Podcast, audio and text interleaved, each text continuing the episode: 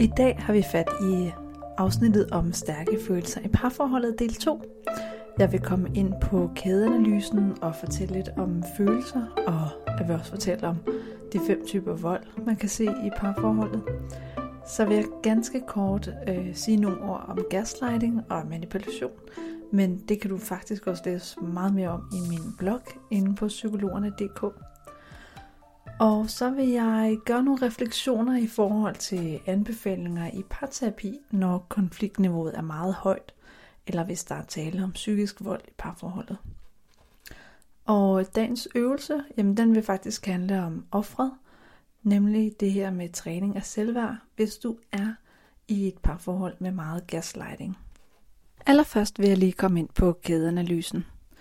Kædeanalysen er noget, vi har fra dialektisk adfærdsterapi, og det er en teknik, jeg bruger rigtig ofte i terapi med øh, klienter, der har meget stærke følelser og har svært ved at regulere dem samtidig.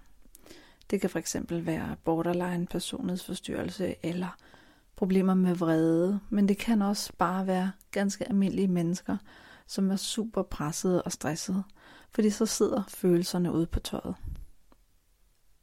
Nu lægger jeg et billede op af kædeanalysen og giver et eksempel på det. Og det billede, det vil du kunne finde inde på Instagram eller Facebook. Men ganske kort, så er det en måde at se og forstå følelser på og skelne mellem følelser og tanker og fortolkninger og impulser og handling. Så hvis du forestiller dig tre ord på en linje, som udgør den primære situation, det starter nemlig med situationen eller fortællingen. Og så går det videre og giver nogle tanker. Og det udvikler sig så til nogle følelser. Det kan også godt være, at følelserne kommer først, og tankerne kommer bagefter. Men situation, tanker og følelser er den primære situation. Det er altså noget, der sker i nu og her. Det er, hvis du går ned ad gaden, og en, øh, der sender dig et mærkeligt blik, jamen så kan du få nogle tanker og nogle følelser omkring det, der skete lige der. Den sekundære situation opstår typisk, hvis vi enten glemmer enten situationen, der startede det, de første tanker, vi havde, eller de følelser, situationen afledte. Og det, der sker, er, at vi sidder fast i de her følelser, hvis vi nu siger, at vi glemte de første tanker, og følelserne vokser, og følelserne leder til fortolkninger. Det kan også godt være, at vi glemte den første følelse, vi havde i forbindelse med oplevelsen, og at tankerne så vokser, bliver til grublerier og fortolkninger. Men i hvert fald, det der starter den sekundære situation, altså efter hændelsen er slut, et godt stykke tid efter, det er fortolkninger om det, der skete. Det vil sige, det sker altid for mig, eller hun er bare ude på at narre mig, eller han gør det bare for at vise over for mig, at vedkommende er sådan, eller det her sker altid for os, og det er fordi sådan og sådan og sådan. Det har altså ikke noget at gøre med det, der sker lige nu og her. Det er fortolkninger af den andens intention, typisk i en negativ betydning. Og det, der sker med de her fortolkninger, er, at vi ikke er bevidst om, hvad der foregår. Vi er ikke bevidst om, at det er fortolkninger. Så vi tager udgangspunkt i, at tankerne er sande. Og når vi gør det, så øh, afleder det selvfølgelig en masse følelser. Og de her sekundære følelser er ofte meget voldsommere end de primære følelser fordi det bygger på en masse ophobede tankemøller og grublerier og fortolkninger. Og fordi vi har så stærke sekundære følelser, fordi det ligger typisk mellem 7 og 10 på en, en 10-trins skala, jamen så afføder det et behov for at gøre noget. Og det er sådan set lige meget, hvad vi gør. Vi vil bare gerne gøre noget. Så det kan være at slå hånden ind i væggen, det kan være at smadre tallerkener, det kan være at råbe, det kan være at sende en vred sms. Det er også det, man kalder at gøre noget i affekt.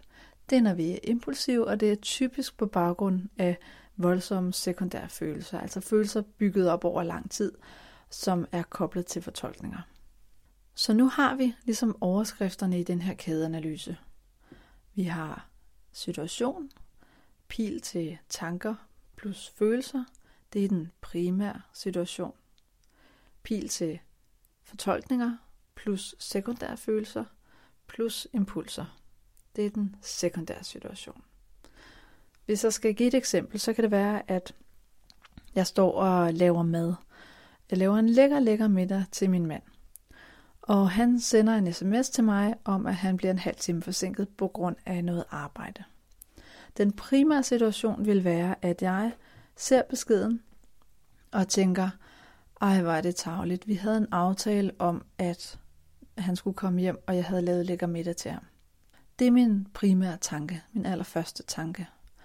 Og min primære følelse ville være skuffelse, fordi så stemmer situationen og tanken overens med følelsen. Og regnskabet skal jo gerne stemme. Hvis det ikke stemmer, hvis man har en følelse, der ikke hænger sammen med situationen, så er det netop fordi, vi har glemt noget.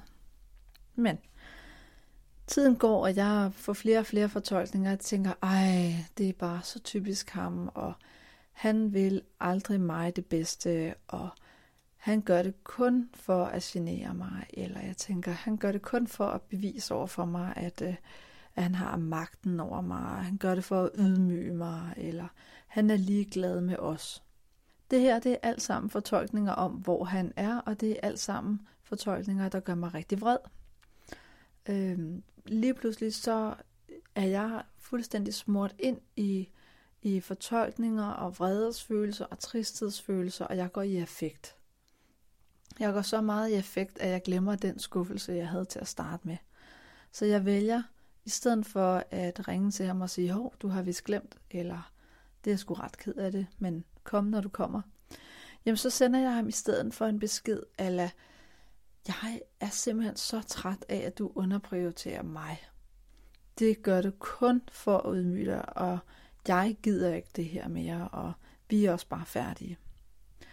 Som du nok kan høre, så er det altså gået rimelig stærkt, og den, der modtager den besked, ved ikke, hvad der er gået forud for. Og det her, hvor man, man kan sige, at man har meget stærke emotioner, man har svært ved at regulere dem, man er kortlundet, det går stærkt. En ting er i hvert fald sikkert, det er, at der har været nogle fortolkninger indenover, som har farvet vores billede af virkeligheden og hvad der er sket. Måden vi bruger kædeanalysen på, det er, når du kan mærke, nogle meget, meget stærke følelser, en stærk ubehag, så overvejer du lige med dig selv, jamen på en skala fra 0 til 10, hvor stærkt er mit ubehag lige nu? Så mærker du efter, jamen hvad vil jeg kalde den her følelse lige nu? Så du identificerer i princippet den sekundære følelse. Det kan være, at du siger, at jeg er vred på en 9 ud af 10. Fint. Man stopper sig selv for den impuls, man har lyst til, og stopper op og overvejer, hvad er situationen lige nu? Hvad er det for fortolkninger, jeg har haft de sidste par timer? Så det vil sige, nu går vi bagud i kædeanalysen. Vi prøver at finde det her led i kæden, der mangler. Det led, vi har glemt til at starte med. Så vi tænker, okay, hvad var det for fortolkninger, jeg fik til at starte med? Hvad var det for følelser, jeg havde, før de fortolkninger blev trigget? Eller hvad var det for tanker, der voksede så store og blev til fortolkninger? Hvad var det for en situation, det hele startede med? Og når vi har den, når vi har styr på den primære situation, det vil sige situation, tanker, følelser, det allerførste, der kom, så kan vi forholde os til, skulle jeg have sat grænser? Skulle jeg have sagt undskyld? Skulle jeg på nogen måde have forholdt mig til nuet, til de relationer, jeg omgik mig med på en anden måde? Og så kan vi blive realistiske omkring det, der skal gøres. Derved har vi omformet impulsen til en aktiv handling. Det her det handler, som du kan høre, rigtig meget om øh, impulskontrol også. Og det er et af de vigtige kendetegn ved dialektisk adfærdsterapi. Det er anger management og impulskontrol også. Øhm, og noget af det er emotionsregulering og impulskontrol. Hvornår bruger vi det? Jo, det bruger vi, når vi står i en sekundær situation. Når vi ved, og vi kan genkende, at lige nu der har jeg kørt mig selv op med en masse fortolkninger. Og jeg er, har det rigtig, rigtig, rigtig ubehageligt. Mine følelser er meget stærke. De er langt over syv, eller de er langt over seks, og det er ubehageligt nok i forvejen. Og de er ikke berettigede. Fordi følelser, der er direkte koblet til situationen, til nu og her, den primære situation, hvor vi ved, hvad der er sket, og vi stadigvæk kan tænke langsigtet og langsomt, de er berettigede. Men når jeg er bevidst om, at de følelser, jeg har lige nu, som er så intense, de er nok koblet med nogle fortolkninger. Det er jeg nu blevet bevidst om. Jeg er blevet bevidst om, at det, jeg tænker, ikke nødvendigvis er sandt. Så nu er jeg i en situation, hvor jeg faktisk også kan genkende, at de følelser, jeg har, er ikke 100% berettiget. Jeg behøver ikke at blive rasende på min mand, når han kommer en halv time for sent på arbejde, men det er på grund af fortolkningerne om ham, at jeg bliver rasende over det, fordi jeg fortolker, at der er gang i et magtspil, eller han gør det for at ydmyge mig.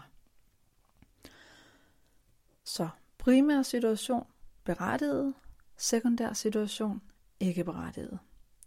Når vi har genkendt, at vi er i en sekundær situation, og følelserne ikke er berettiget, og når vi har spottet, hvilke fortolkninger, der kører rundt i vores hoved, så kan vi gøre nogle forskellige ting for at regulere vores følelser. I den primære situation skal vi typisk sætte grænser, eller sige ja eller nej, udtrykke behov. Men i den sekundære skal vi faktisk regulere vores egne følelser. Fordi vi er hver især selv ansvarlige for de her følelser. Og øh, en rigtig kendt og god metode, som Mette Slot også var inde på øh, i afsnittet om self-compassion, det er stop-metoden. Stop er forkortelser. Det er fire forkortelser, hvor S står for stop eller forlad situationen. Tid står for tænk. Tænk dig om, hvad der er, der er sket. Hvad er det, der er gået forud for? Det er her, du kan lave kædeanalysen. O står for observer. Observer, hvad der sker i din krop lige nu. Hvilke følelser har du? Hvad mærker du i kroppen? P'et står for prøv igen. Det vil sige, gør noget andet end det, du var i gang med. Giv det et andet forsøg end det, du var i gang med. Læg stille og roligt tallerkenen på bordet. Gå udenfor, gå en tur, vend tilbage senere, eksempelvis. Så stop betyder stop, tænk, observer, prøv igen. Det er en meget god huskeregel, fordi at inden du overhovedet kan lave emotionsregulering, så bliver du nødt til at afbryde dig selv fra det, du er i gang med. Den følelse, du er i gang med. Og det, der er så magisk, er også, at vi godt kan ændre adfærd på trods af en følelse, der larmer. Selvom jeg tænker på, at jeg ikke kan rejse mig fra stolen, så kan jeg godt rejse mig fra stolen imens. Og det samme med følelser. Nogle andre ting, man kan gøre for at lave emotionsregulering, og det er her, du kan sætte, tage din øh, kuglepen og din papir frem. Øhm, det er en teknik, der hedder 5-7-9 åndedrættet. Det betyder, at du trækker vejret ind, mens du tæller til 5. Du holder det, mens du tæller til 7, og puster ud, mens du tæller til 9. Det er også et åndedræt, jeg kommer grundigt ind på i miniafsnittet om åndedrættet og din guide til akut ro. Det kan jeg anbefale at høre igennem. Men det er også en brændslukker til vrede og voldsom tristhed. Når du har lavet det et par gange, og du har kølet lidt ned, så kan du også tage en øh, ren klud og vride den op i koldt vand og lægge det på øjenlågene. Det der sker er, at du udnytter kroppens evne til at berolige sig selv akut. Det er også det, der kaldes diverse effekt. Man har fundet ud af, at når vi, når vi dykker, jamen så rammer der noget koldt vand på dykkernes øjne, og de bliver straks beroliget. Det er fordi, at det parasympatiske nervesystem aktiveres, og det vrede kampflugt frys nervesystem, som jeg talte lidt om i sidste afsnit, det beroliges. Noget andet, du kan gøre, det er at gå udenfor og lave refleksionstid. Ligesom i sidste afsnit, hvor jeg fortalte det med stopordet. Øhm, reflekter over, jamen, hvad er det for kommunikative misforståelser, I har lige nu, og hvad er egentlig jeres fælles problem? Hvis følelserne er rigtig intense, så kan du lave intens motion. Det vil sige, at du grounder dig selv, du får akut kontakt til kroppen. Du får akut kontakt til hormonerne. Du producerer endorfiner og adrenalin. Det er det her smertestillende hormoner. Men du, du distancerer dig også fra følelserne, fordi du får så overvældende kropsreaktioner, overvældende kropsfølelser. Så det kan fx være at kaste sig ned og lave 20 armbøjninger, simpelthen for at mærke en anden smerte og nogle dejlige hormoner bagefter. Du kan også lave sansestimulering. Det er altså, hvor du tilegner dig selv en masse intens sansning. Det kan være chili, eller det kan være wasabi, det kan være en isterning i munden. Det kan være, at du laver et øh, isbad, dypper hånden ned og tager den op, når du kan mærke, at det gør ondt. Du skal ikke have forfrysninger. Men det kan også være at tage et meget beroligende langt bad og skrue den over på kold, så du ligesom får en chok. Det her med stærke sansninger virker ekstremt godt, fordi vi, vores psyke, vores hjerne kan ikke rumme flere informationer ad gangen. Så hvis der er noget, der trumfer noget andet, så tager det plads, og det andet virer tilbage. Så når der er stærke sansestimuleringer, som, som det her, eller intens motion, eller en klud på øjnene, eller åndedrætsteknikker, jamen så virer følelserne tilbage, fordi kroppen larmer mere, kan man sige. Så for lige at summere op. Kædeanalysen betegner jamen, den primære og den sekundære situation, hvor du kan skelne mellem følelser og tanker på den ene side, og så sekundære følelser og fortolkninger på den anden side. Hvis at dine følelser er grundet en primær situation, som er nu og her, så kan du lave en bevidst handling, sætte grænser, gøre noget velovervejet og rationelt. Og dine følelser vil typisk også ligge et sted mellem 0 og 6 på skalaen. Men står du i en primær situation, hvor der er en masse ophobede fortolkninger, så bliver følelserne typisk også mere intensive. Så en, en god indikator er, at hvis dine følelser er over 7, jamen så skal du holde godt øje med nogle fortolkninger, der er gået forud for. For det er meget sjældent, der sker noget i vores omgivelser, der kan vække så stor vrede eller følelsesmæssig påvirkning, med mindre at det er nogle gamle fortolkninger, der trykkes. Med mindre du selvfølgelig er slået ned på gaden, eller at der er sket en katastrofe, så er vi sjældent deroppe. Derfor kan vi bruge emotionsregulering, når vi er i den sekundære situation. Så når du har spottet, at dine følelser ikke er berettiget, og når du har spottet, at du har siddet fast i fortolkninger, så skal du have styr på dine egne følelser. Så skal du regulere dem ned. Og det er ikke noget med at fortrænge dem, eller skubbe dem væk, eller sige, at de ikke er der. Men der skal bare mindre af dem, og du skal i kontakt med din krop nu og her, så der er mere plads til det rationelle.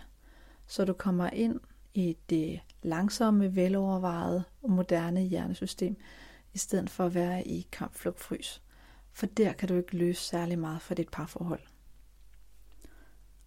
Så vil jeg ganske kort lige komme ind på vold i parforholdet, fordi jeg synes, det er noget, som øh, mange ikke er bevidste om.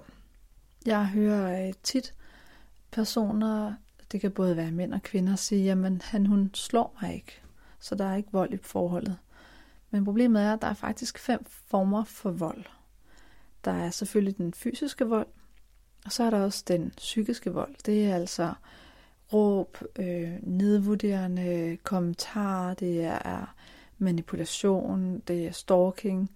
Og så er der også materiel vold, det vil sige, at din partner ødelægger ting, du ejer, eller stjæler ting, du ejer. Der er økonomisk vold, det vil sige, at vedkommende betaler dig ikke tilbage for noget, vedkommende skylder eller stjæler fra dig, laver bedrageri med din konti, sådan nogle ting. Og den sidste er selvfølgelig seksuel vold, det vil sige øh, seksuelle overgreb, at du bliver presset til ting, du ikke har lyst til. Det kan være voldtægt. Øh, det kan være, at du bliver på en eller anden måde manipuleret til, at, eller tvunget til at gøre noget, som du virkelig kan lide, eller opdager bagefter, at det var virkelig grænseoverskridende og hårdt. Men ofte hænger den psykiske vold og seksuel vold også tæt sammen. Gaslighting. Gaslighting, det kan beskrives bedst som en form for bevidst eller ubevidst kommunikation, som har til formål at nedbryde og vinde over den anden i en diskussion, men også bare generelt en form for øh, magtvinding. Gaslighting bliver ret tit brugt på må og få, men jeg vil bare lige understrege, at gaslighting er en alvorlig ting. Så når jeg taler om det, så er det altså i parforhold, hvor det er sket gentagende gange hver dag, og det er flere af de her tegn, som der er til stede. Det kan også en mildere grad af gaslighting, det vil man kalde for manipulation, eller at man prøver at påvirke den anden, eller diskutere lidt for meget. Men gaslighting er at lægge en, en, en, nogle signaler ud, som er for, så forvirrende for den anden, at den anden til sidst ikke kan skælne virkeligheder og hvad der er det rigtige eller det forkerte at tænke. Gaslighting udtrykket kommer fra et teaterstykke, hvor en mand har været inde og begået indbrud hos øh, genboen, og det er altså i slutningen af det 19. århundrede. Øhm, og så har han øh, slukket for gaslampen inde i entréen, og mandens kone har så stået og set det på den anden side, at lampen tændtes og slukkes. Og konen giver så vidneudsagn til politiet om, at, øh, at der ikke skete noget, fordi manden når hjem og overviser hende om, at am, hun må have set syner, og det kan ikke være rigtigt, og hun må være sindssyg, og der er i hvert fald ikke noget. Jeg, jeg kunne ikke se, at den blinkede, og det må være hende, der skør. Så konen tror til sidst, at det er hende, der skør, og giver simpelthen falsk vidneudsagn til politiet om hendes egen mand. Og det er et meget godt billede, fordi gaslighting handler om at overdrive ens egen perception, altså hvis man er den, der gaslighter, øhm, og underdrive den andens. Så det kan sige, jamen, jeg husker jo altid bedre, du kan da nok huske, at sådan og sådan. Mens øh, den, der angribes med gaslighting, ofte får at vide, at jamen, det var slet ikke det, der blev sagt. Det var det er dig, der husker forkert. Det er øh, noget, du bilder dig ind. Det kan også være, at den, der gaslighter, laver sjov med den anden og bruger enormt meget evni og sarkasme og grin med den anden. Men først og fremmest, der handler det om at simpelthen forvirre og lægge en tog ud og få samtalen andre steder hen og tage nogle andre problemer ind over for at dække over det primære, som den, der bliver gaslightet, er utilfreds med. Eller gå til modangreb. Det er også meget klassisk. At ja, ja, det kan godt være, at du siger det om mit tøj, men i virkeligheden, så er du ikke selv bedre, når det gælder biler. Øhm, så det er altså en vildledning og modangreb, og det tager ofte brug af fortiden, og det fordrejer ofte, hvad der er sagt eller gjort. Det fordrejer fakta, så man som den gaslightede ikke selv stoler på sin egen hukommelse. Og det, der er farligt ved gaslighting, er, at den, der bliver gaslightet, øh, glemmer mere og mere, eller har i hvert fald en fornemmelse af, at man ingen hukommelse har. Og man stoler ikke længere på sin egen dømmekraft. Man stoler ikke på, at man øh, husker rigtigt. Man stoler ikke på sin egen smag, sin egen selvværd, og man stoler ikke på, at man har lov til at bestemme noget. Eller har lov til at gøre ting, ikke at skulle spørge om lov hele tiden. Fordi en, der bliver gaslightet rigtig meget, er selvfølgelig bange for de her angreb, og noget, der ofte følger med, er jo også de fysiske angreb. Men når det gælder psykisk vold og gaslighting, så ville mange, der har været udsat for det her, ønske, at de også havde været udsat for fysisk vold, fordi så havde de faktisk ikke været i tvivl om, at her er noget galt. Her har jeg lov til at sige fra.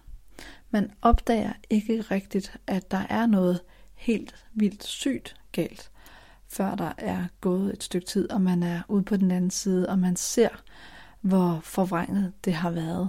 Og det er simpelthen fordi, at man bliver så forviklet i det, og det bliver så normaliseret for en, at man ikke kan stole på sin egen dømmekraft, og at den anden er uterrenelig og øh, manipulerende, og at det må være den nye normal. Så på grund af den her forskydning i perceptionen, fordi man ikke kan stole på ens egen dømmekraft, fordi at man ikke kan se forskel på rigtigt og forkert, og man ikke kan stole på sine sanser til sidst, og bliver meget deprimeret, og ens selvværd bliver meget lavere, så er gaslighting alvorligt og sygt, og en del af psykisk vold. Så derfor er det heller ikke noget, man bare skal kaste sig om. Gaslighting er alvorligt. Det er noget, der skal ske øh, hver dag. Men problemet er også, at den, der gaslightes, øh, lider også ofte af skam. Så man kan hurtigt føle, at jamen, de følelser, jeg har af, at der ikke er noget forkert, dem behøver jeg faktisk slet ikke have. Det er ikke så slemt, som jeg tror. Men det er jo det, der er med skam.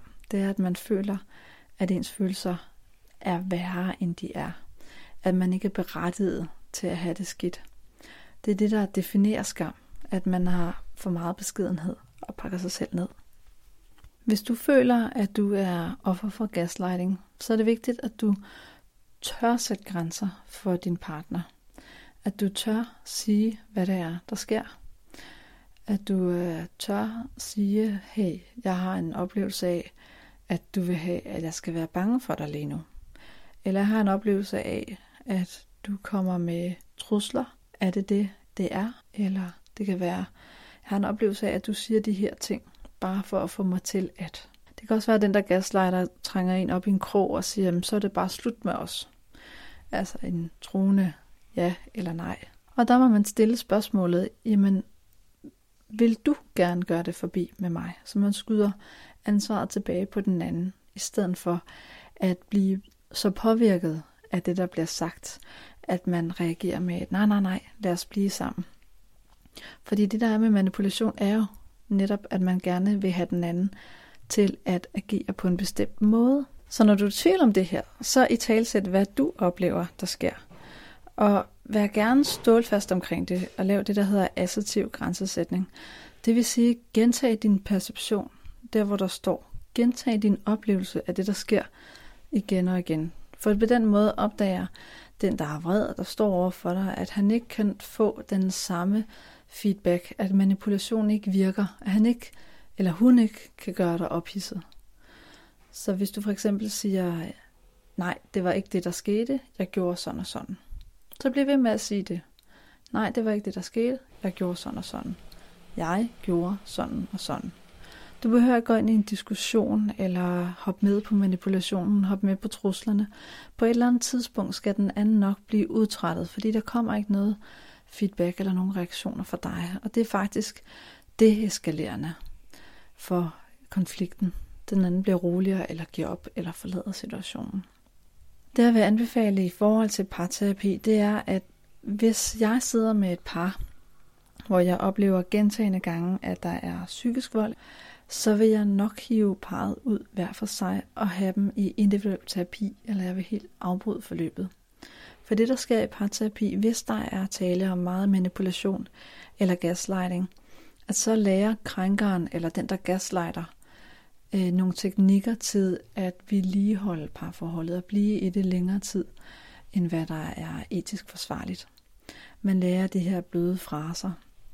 Man lærer at tale med hjertet, tale mentaliserende, men man kan godt sige nogle modbydelige ting, selvom det er pakket pænt ind. Og på den måde så hjælpes øh, det her destruktive, giftige forhold med at vare ved, i stedet for at ændre på sig. Så det jeg vil gøre, det er typisk, at jeg splitter det op, sådan så jeg har to gange individuel terapi, eller jeg har kun individuel terapi med den ene og henviser den anden til en anden psykolog. Og så arbejder vi enten med emotionsregulering eller selvværdstræning, øh, selvtillidstræning, klar tale. Og, øh, og det kan også godt være, at det skal være rådgivning i forhold til frygten for at øh, forlade den anden. At man simpelthen bliver i forholdet, fordi man er bange for den andens reaktion. Og så er det det, den individuelle terapi handler om. Fordi der er også det ved det, at øh, nok lærer den anden at blive bedre til at manipulere i parterapien. Men den, der er udsat for, for det her giftige kommunikation og manipulation og gaslighting, kan heller ikke være sig selv. Vedkommende går på æggeskaller. Vedkommende kan ikke udtrykke sig ærligt.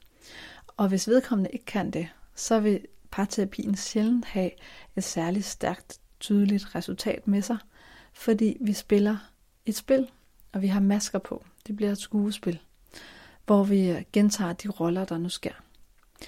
Og det her, jeg i parterapien spotter det, jeg, jeg caller det, når det sker. Jeg giver nye metoder, men jeg opfordrer faktisk også til, at man deler det op i individuel terapi. Og hvis jeg er bekymret for forholdet, i forhold til det, jeg ser, hvis det er alvorligt, det der sker, så vil jeg faktisk opfordre til, at, øh, at hvis man bor sammen, at man så flytter fra hinanden.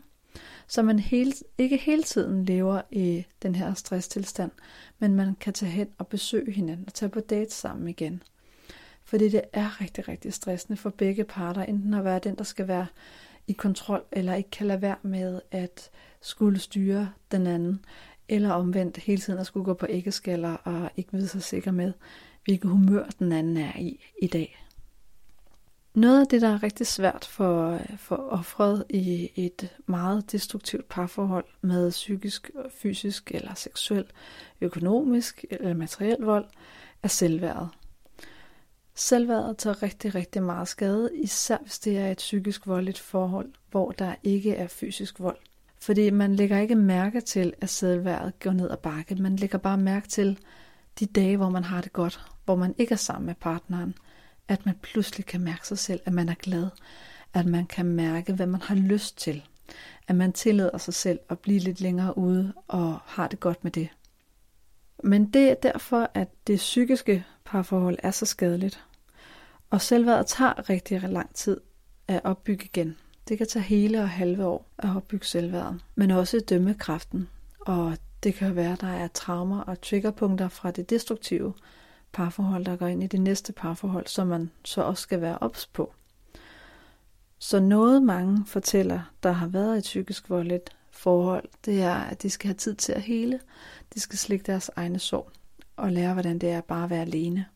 Og min erfaring er også, at når de er kommet et sted hen, hvor de har det godt med sig selv, hvor deres selvværd er opbygget godt nok, så har de faktisk også mere held med at møde en, der har et lige så godt selvværd og taler kommunikativt bedre og er mere omsorgsfuld og ordentlig end den sidste partner, fordi deres, deres standarder over tid er blevet hævet, og man er blevet bedre til at sætte grænser øhm, og sige fra over for de negative ting, der måtte ske.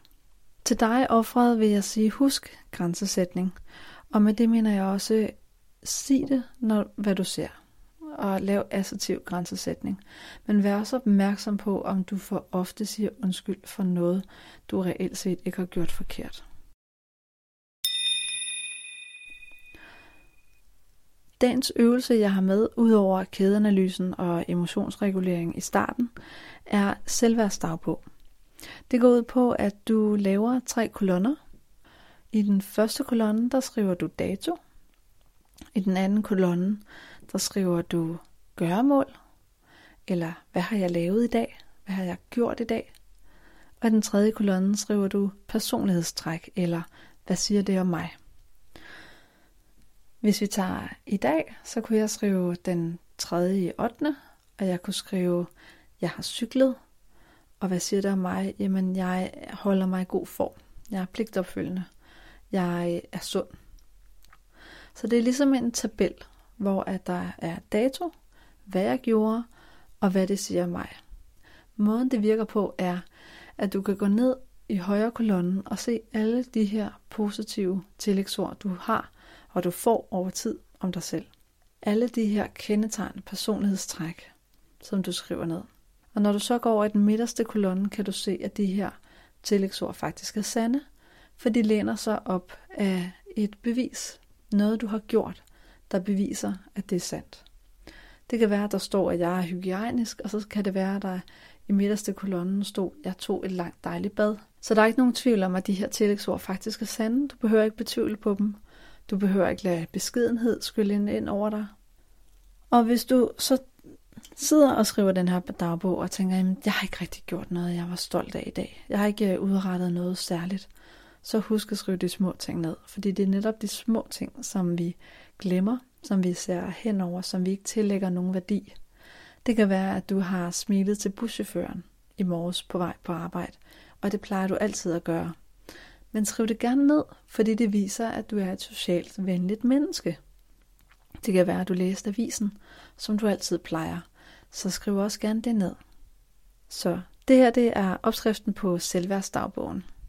Tre kolonner, en smal en, hvor du lige skriver datoen, den midterste kolonne, hvor du skriver, hvad du har gjort i dag, som du var stolt af, eller bare hvad du har lavet i dag. Og så den yderste højre kolonne, hvor du skal skrive alt det, det siger om dig ned. Alle de positive tillægsord. Det kan være klog, hygiejnisk, pligtopfyldende, sød, venlig, rar osv. Når du så bladrer i den her selvværdsdagbog efter et par uger, så vil du se, hvor meget du egentlig har stand til, og du vil se, hvor mange positive tillægsord du har om dig selv.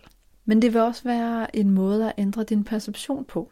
Fordi i løbet af dagen, der vil du gå og huske dig selv på, at du skal skrive de her ting ned.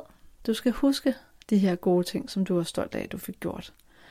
Og derved over tid lægger du faktisk mærke til det, uden du selv lægger mærke til det. Du lægger mærke til, ej, hvor det dejligt, jeg nåede det her i dag. Det skal jeg huske til i aften.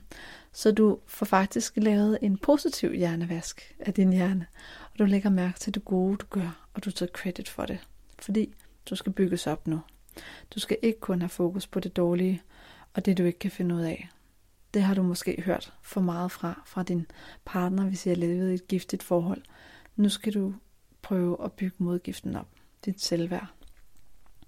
Dette var afsnittet øh, om stærke følelser i parforholdet del 2. Husk gerne at skrive en anmeldelse i øh, podcast Apple appen.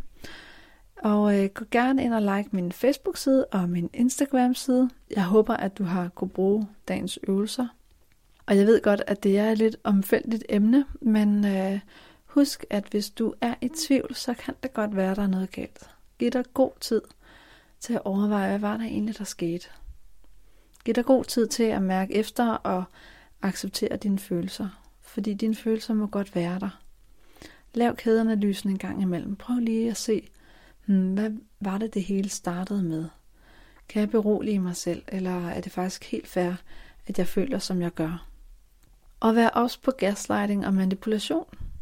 Hvis der er noget, nogle kommunikative øh, virkemidler, din partner bruger, når I taler sammen, som du ikke oplever er okay, så sig det til ham eller hende. Og prøv den her selvværdsdagbog. Det kan være, at du over tid vil mærke og tage credit for flere ting, du gør, som du ellers bare tager for givet. Ha' en rigtig, rigtig god dag, og pas godt på dig selv.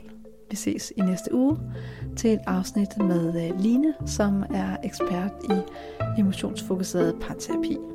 Hej.